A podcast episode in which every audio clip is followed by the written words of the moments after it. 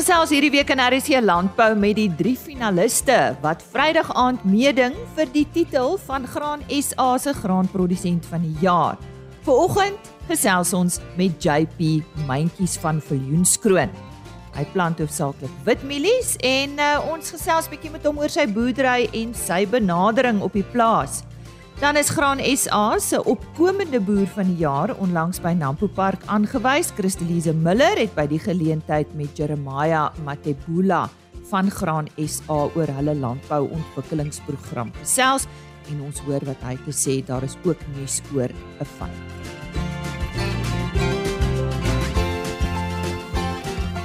Ek vertrou jy het 'n goeie naweek gehad en uh, ek hoor reën is op pad, so ons hou duim vas daarvoor veral hier in die gebiede waar dit so ondraaglik warm was die afgelope paar weke. Welkom by vandag se RSC Landbou. My naam is Lise Roberts. Graan SA se landbouontwikkelingsprogram is goed op dreef en maak 'n reuse verskil ten opsigte van die transformasie van graanproduksie in die land. Dit is opnuut bevestig met die viering van boere se uitnemendheid tydens die immer gewilde dag van feesvieringe wat op Nampo Park buite Botawil in die Vrystaat plaasgevind het.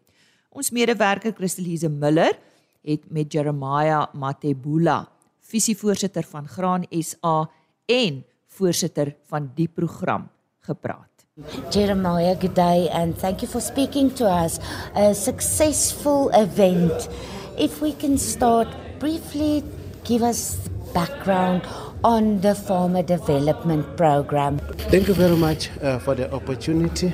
As a chairperson of the Farmer Working Group, Farmer Development Program of Grand South Africa, we are so glad that we had a very successful event where our farmers we were celebrating the achievement that they have made throughout the, the, the years.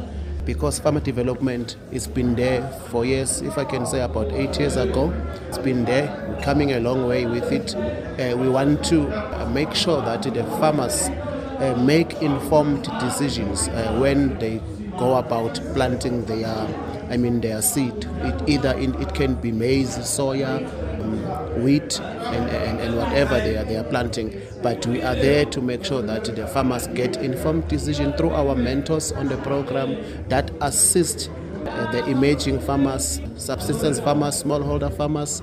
We've got all these categories, and we get to an era commercial farmers where we graduate these farmers now to be commercial. And the funding for the program, how does that work? Actually, we got um, a lot of uh, funders and partners that coming to the party that are working together with us to make sure that we assist these uh, up and coming farmers.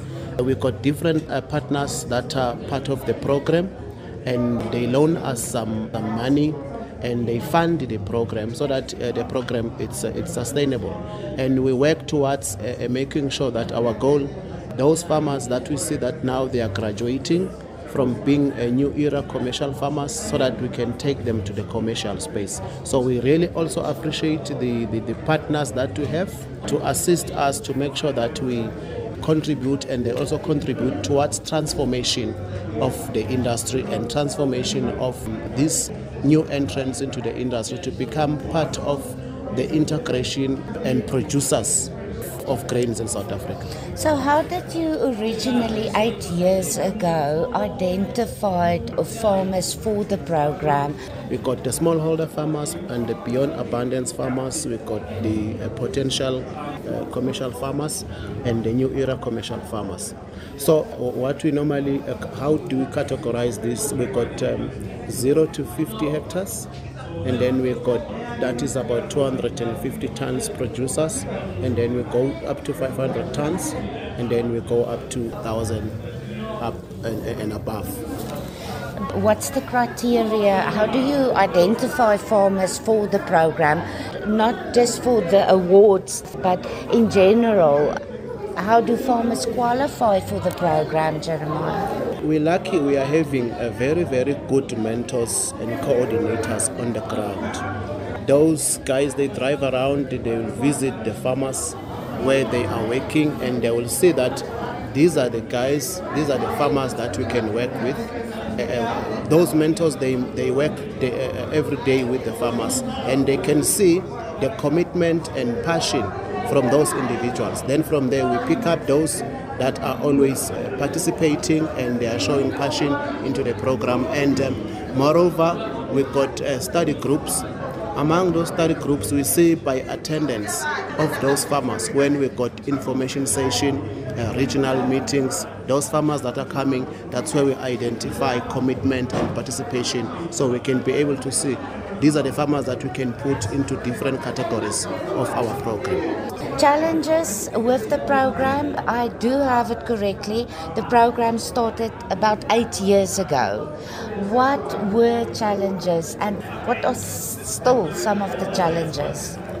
As you know, farmers are different in terms of sizes. Uh, within the farmer development group, we are having subsistence farmers, we've got smallholder farmers, we've got potential commercial farmers, and we've got uh, our new era commercial farmers. So within the group, we, we grow the farmers and we graduate the farmers according to, to the stages.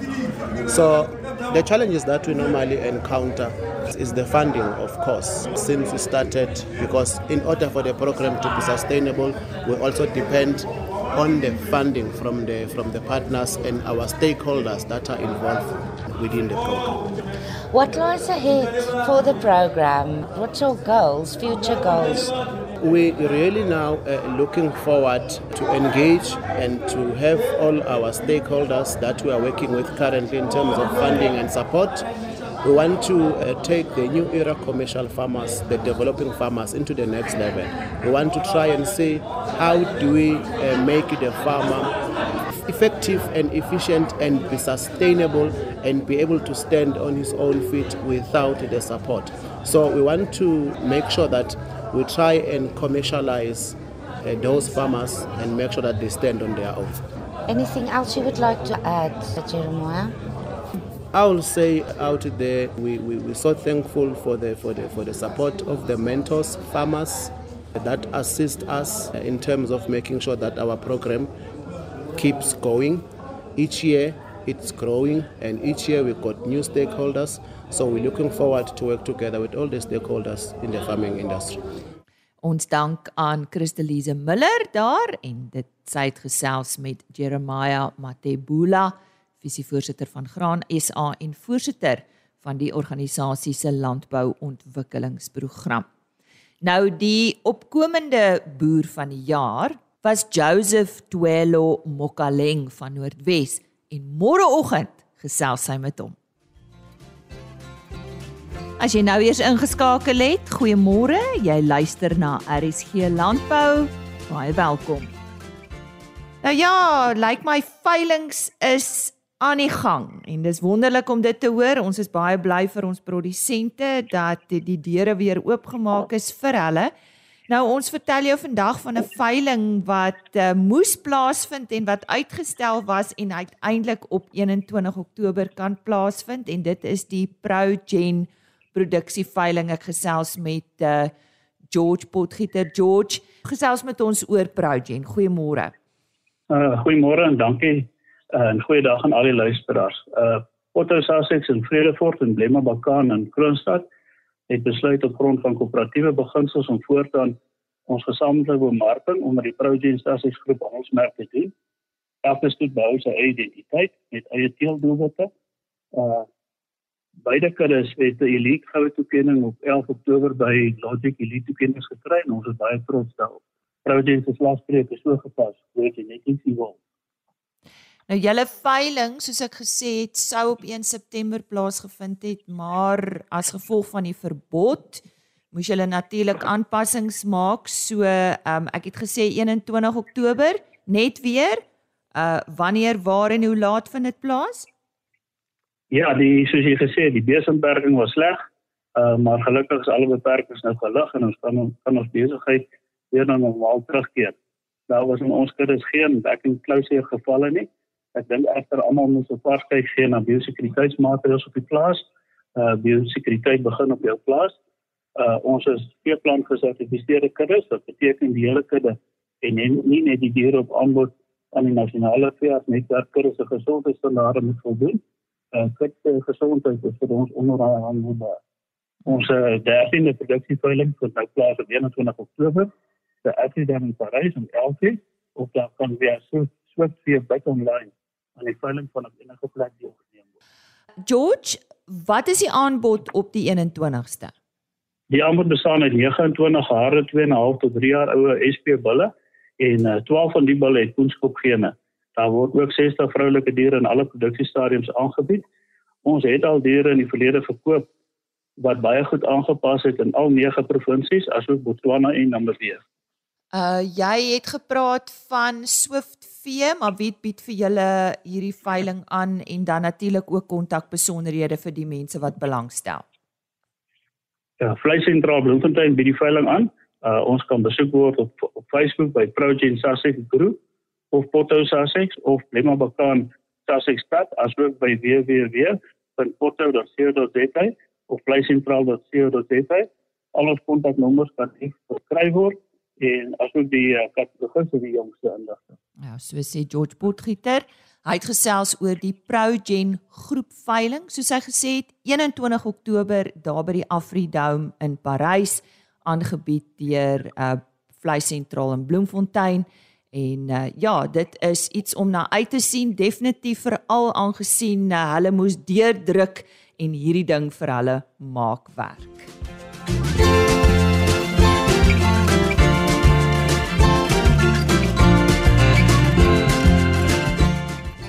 Eerskomende Vrydag, 21 Oktober is die hoogtepunt van die graanprodusent van die jaar kompetisie.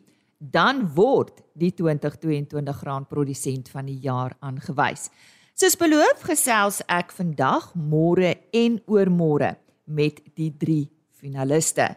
JP Mentjies, Gideon Koegelenberg en Andrei Brink. Ek gesels met JP Mentjies en hy's daar van die uh Viljoenskroon omgewing. Uh JP, jy is na skool FSA toe. Wat het jy daar gedoen? Lise, ja, uh, goeiemôre en goeiemôre aan al die luisteraars. Ja, ek is na skool het my pa my so so bietjie weggestuur Amerika toe om uh, om ondervinding te gaan opdoen op 'n groot Amerikaanse saaiplaas. Ehm um, daai tyd, dis ook teen 1999 gewees. So toe was dit nog nie soos vandag waar die ouens almal oorgaan vir vir vir geld nie, weet ons het ons het min verdien. Dit was nog in die beginstadium van die jong mans wat in Amerika gaan werk het. So so ek het nie gegaan vir noodwendig om baie te gaan verdien en om geld terug te bring nie. My pa het my maar gestuur uh, meer vir opleiding en en om 'n bietjie op jou voete te kom en bietjie bietjie die groot mens wêreld uh, beter beter te verstaan en om vir 'n baas ook te gaan werk.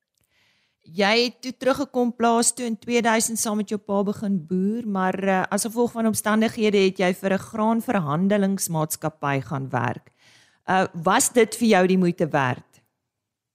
Definitief. Um, op daai stadium, so ek is maar as gevolg van omstandighede moes ek gaan gaan werk vir 'n ander maatskappy. Ons het maar in die boerdery, in die graanboerdery vir al daai jare deur 'n moeilike tyd gegaan met graan pryse aanbetref. Uh, daar was maar 'n ooraanbod van graan en pryse was baie laag geweest en uh, my pa, jy weet ons bemarking was nie in plek en reg in daai tyd nie en ons was gedwong gedwonge geweest om ons mielies vir 'n uh, vir 'n baie lae prys te verkoop, jy weet. So vir, vir finansiële redes moes ek toe nou maar 'n werk gaan gaan soek en gelukkig het ek die werk gekry. Ehm um, so ek was so vir 2 jaar by 'n graanverhandelingsmaatskappy in Johannesburg. Ehm um, en as ek vandag terugkyk, sal ek sal ek sê dit was een van my een van my goeie leerskole gewees. Jy weet, ek het uh, baie geleer oor die oor die graanmark, hoe hy werk. Ehm um, mense sal nooit weet wat die pryse gaan doen nie. Dis een van daai dinge wat ou ongelukkig nooit sal weet nie, maar ek ek het die werking van die mark beter verstaan. Jy weet en dit dit kan ek vandag in my boerdery kan ek toepas en ek neem besluite volgens dit wat jy weet wat in die mark se werking aangaan. So nee, ek sou sê dit was 'n goeie 2 jaar en as ek terugkyk is ek baie dankbaar dat ek dat ek dit gedoen het. Nou ja, jy is nogal deur baie jou pa en jou broer is kort na mekaar oorlede en dit het jou geforseer om maar die bal aan die rol te sit op die plaas en dinge te maak werk. Wat het jou gemotiveer? Definitief my liefde vir die plaas en vir wat my pa opgebou het in sy lewe So ek het 'n groot liefde vir ons boerdery en vir die vir die besigheid. So 'n tou opgooi was nie was nie vir my 'n opsie eers gewees nie. So ek moes maar induik en en aangaan en en die beste daarvan maak.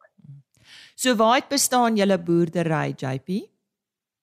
Ons is hoofsaaklik uh, graanboere. Ons produseer wit mielies. Hier's 'n klomp meelens in ons area rondom ons. So so vir die skroon en Botawil. Ons is maar 'n uh, uh, graanboere, wit mielieboere oor die meel meelmark, jy weet, hier naby ons is. Ehm um, en dan het ons beeste wat ons in in lande en kampe wat nou nie geskik is vir vir saai boerdery nie, het ons het ons uh vee. Ehm um, ons ek is nie met 'n stoet nie, so ons is maar kommersieel vir vir uh, speenkalfproduksie. En dan het ek so 2 jaar terug begin het ek die gaping gesien um om om om 'n om 'n logistiek uh in te gaan. Um ek het gesien die groot soos die boerdery uitgebrei het, um het ek meer uh noodsaaklik gehad om logistieke maatskappye te subkontrakteer. En ek het gesien maar hoorie as ek dit self doen, dan gaan ek 'n klompie geld spaar in daai proses. Jy weet so vir vir omtrent 8 maande van die jaar gebruik ek die die logistieke maatskappy uh vir my eie eie boerdery. En dan so 4 maande van die jaar dan dan kry ek werk. En gelukkig jy weet ek is ek is rondom rondom ons in die distrik het ek nou 'n uh, uh, naam opgebou en ek en ek doen 'n klompie werk vir vir van die ander boere en vir van die ander maatskappye. So hierdie is eintlik 'n ding wat so half van my skoot geval het. Dit was nie die plan om in 'n logistieke besigheid in te gaan nie, maar dit het toe nou gegroei en en en groter geword en ons is nog steeds besig om te groei. So dit het ook bygekom as 'n as 'n derde been in die besigheid. Wat spesifiek is dit? Dit is maar 'n logistieke maatskappy wat ek my kunsmis vervoer en graan vanaf die plaas na Melins toe en dan ry ons kalk aan en uh so in die in die tye wat ek dit nie vir myself doen nie, doen ry ek mielies vir Melins aan van silo komplekse na Melenaars toe en ons ons ry kalk vir ander boere aan. So dis daai drie bene basies, die kunsmis en die graan vervoer en kalk. Nou deesdae in boerdery moet ons maar baie hou as dit kom by tegnologie, dinge verander elke dag, maar jy glo daarin om 'n nuwe tegnologie te belê. Watter rol speel dit in jou boerdery? Ek dink tegnologie vandag is onverwendbaar in boerdery as as 'n mens nie gaan gaan belê in tegnologie nie, gaan 'n mens agterraak en en iewers gaan dit gaan dit 'n ou inhaal. Jy weet so tegnologie vir my is is een van die van die top uh prioriteite in my boerdery. Dit is een van die goed waar ek graag by wil bly soos daar nuwe tegnologie uitkom. So tegnologie is daar 'n klomp verskillende aspekte. Ons kan gaan na ons kan begin by ons by ons trekker. Hy het tegnologie op presisie tegnologie. Dan gaan ons na die planter toe. Hy het tegnologie op. Ons gaan na die spuit toe. Hy het tegnologie op. Ons gaan na die die kunsmis applikasie toe. Dit het tegnologie op. So alles in die in die in die in die landbou het tegnologie op. So as ek tegnologie in een woord kan kan opsom, sal ek sê dis akkuraatheid. En uh akkuraatheid beteken dat ons nie onder uh bemes of oorbemes nie. En as jy ou kyk na vandag se insette en al die kostes wat met landbou gepaard gaan, kan nou nie bekostig om onder te bemes of oor te bemes of onder te uh chemikalieë toe te dien of oor chemikalieë toe te dien nie. 'n Mens moet in daai soos die Engelsman sê op daai sweet spot wees. Um, en en die tegnologie maak dit vir 'n mens moontlik. Weet so dis hoekom ek sê tegnologie is onverwendbaar en en ek probeer waar ek kan, probeer ek hmm. bybly by die by die nuutste tegnologie. Nou aangesien jy nou as een van die finaliste vir die Graan SA graanprodusent van die jaar aangewys is, sal ons maar net vandag op jou graanvertakking fokus. Soos jy genoem het, verbou jy hoofsaaklik maar wit mielies Wat is jou benadering? Daar's nou baie om oor te gesels. So hier en daar net iets wat jy dink wat uh, jy nodig het om uit te lig JP. Lise, ek ek glo dat um, ons ons ons werk om hoë opbrengste te kry en dan werk ons tweedens vir 'n goeie gehalte produk. So alles ons doen alles in ons vermoë probeer ons op die beste te doen om daai twee twee punte te bereik wat ons daar vir onsself gestel het. So hoë opbrengs uh verseker vir my 'n uh, vir my 'n uh, 'n uh, meer wins in my sak en dan ook deesdae met die met die met die meelings en die verskillende variëteite en kultivars op mielies wat 'n mens kry, is dit is dit noodsaaklik om 'n goeie kwaliteit produk te lewer aan die meele. En daarvoor sal 'n ou miskien partykeer 'n premie kry as 'n mens 'n swak produk lewer, dan dan gaan daar dalk 'n paar rand afgetrek word per ton. So al daai goeders is maar goed waarna ons kyk, jy weet, voor 'n uh, voor ons sal besluit op 'n sekere kultivar of op 'n sekere gewas wat ons gaan plant. So so ek is in die graan graan uh witmielie bedryf en uh ek probeer tot die beste van ons vermoë probeer ons 'n hoë opbrengste en 'n goeie kwaliteit produk lewer. Bewerkingspraktyke net so vinnig iets daaroor? As ons klaar gestroop het, is maar gewoonlik kom ons sê uh Augustus maand en September maand as die vog voldoende uh, grond voldoende vog het, dan sal ek sê begin ons voorbereidings vir die nuwe seisoen. So ons begin altyd in September maand, dan uh, dan kan ons sê reg die nuwe seisoen het nou begin. Dan sal ons byvoorbeeld um, nadat ons gestroop het met 'n met 'n skoffel, groot skoffel om wintervuil goed dood te maak, sal ons oor die lande gaan om om van daai stoppel van laas jaar wat agtergebly het in die grond sal 'n ou bietjie uitpluk want jy weet daar's ook siektes en en goed in daai wortels. Ehm um, so ou wil hulle uit die grond uit probeer haal en en bietjie rondskuif, jy weet in die materiaal op jou op jou lande, die oesreste van laas jaar wil hulle ou bietjie beweeg en en uit die grond uithaal en sodoende met die skoffel dan dan maak ou al die wintervuil goed dood, jy weet so dit dan dan is dan begin ons daai daai seisoen met 'n skoon land. En net daarna sal ons uh, sal ons begin met 'n ripper. Nou 'n ripper, dit klink miskien snaaks, maar uh, dit is so 'n lang tand wat in die grond ingaan. Ons is hier in sanderige wêreld uh, uh met 'n diep grond wat omtrent so op 'n meter 'n keerlaag, klei keerlaag het. So wat wat die water vashou as dit nou reën, jy weet dat die water nie in die grond wegvloei nie. So so dit is vir ons goed in in bietjie droër droër seisoene help daai daai klei keerlaag. So as ons met die ripper deurgaan, dan maak ons nou daai grond los, jy weet, sodat die nuwe saad wat ons plant vir die nuwe seisoen, dat daai wortels, jy weet, 'n kanaal het om af te groei en die water te gaan kry. Uh as dit begin droog raak in die seisoen, wat maar gewoonlik in gemiddelde seisoene by ons gebeur. So, so dis 'n praktyk wat ons genoodsaak is om te doen. Dis dit delf nou baie diesel. Dis 'n duur uh bewerking om te doen, maar dis 'n noodsaaklike bewerking.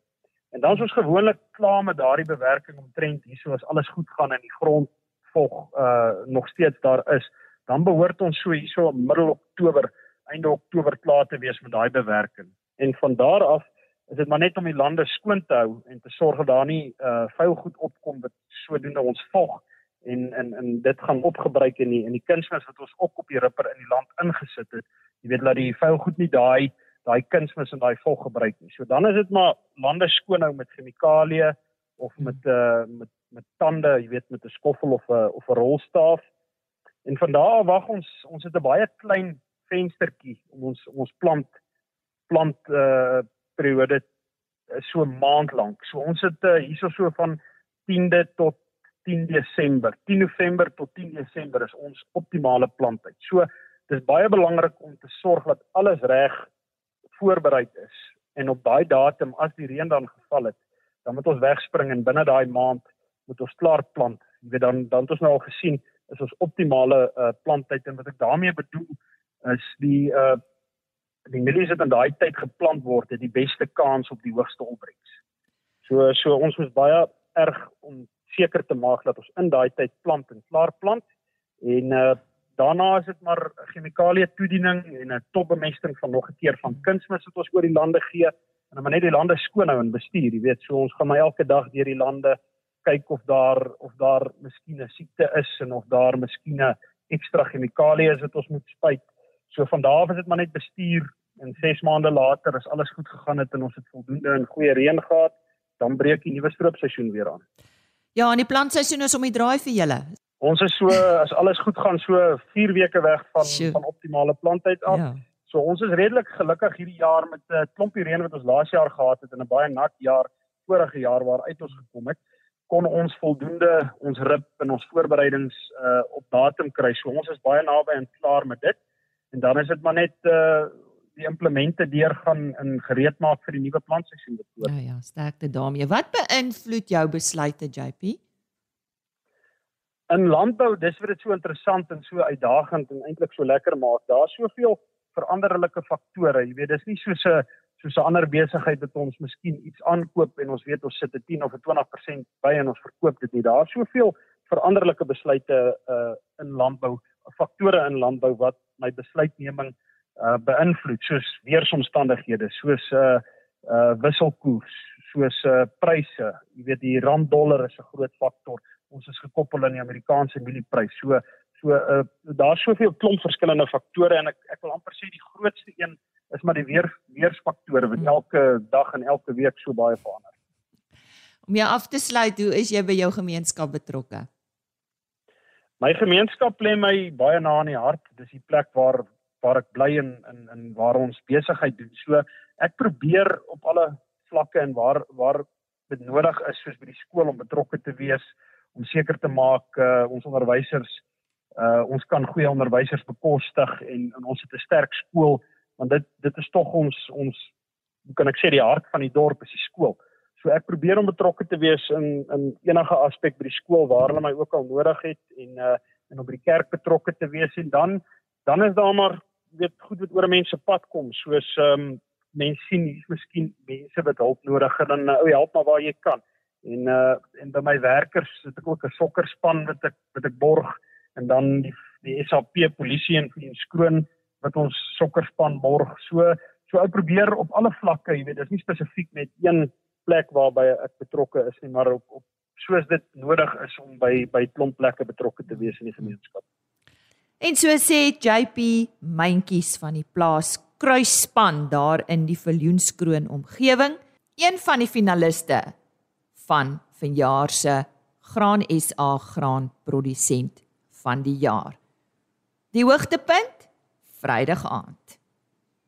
Dis dan vandag se RC Landbou Ek herinner jou net aan 'n e-posadres en webtuiste www.agriorbit.com. Daar word ons onderhoude gelaai. agriorbit.com. Die volledige program altyd op rsg.co.za as potgooi beskikbaar en 'n e-posadres rsglandbou@plaasmedia.co.za. Geniet die res van jou dag. Tot môre. Totsiens. RSG Landbou is 'n plaas media produksie met regisseur en aanbieder Lize Roberts en tegniese ondersteuning deur Jolande Rooi.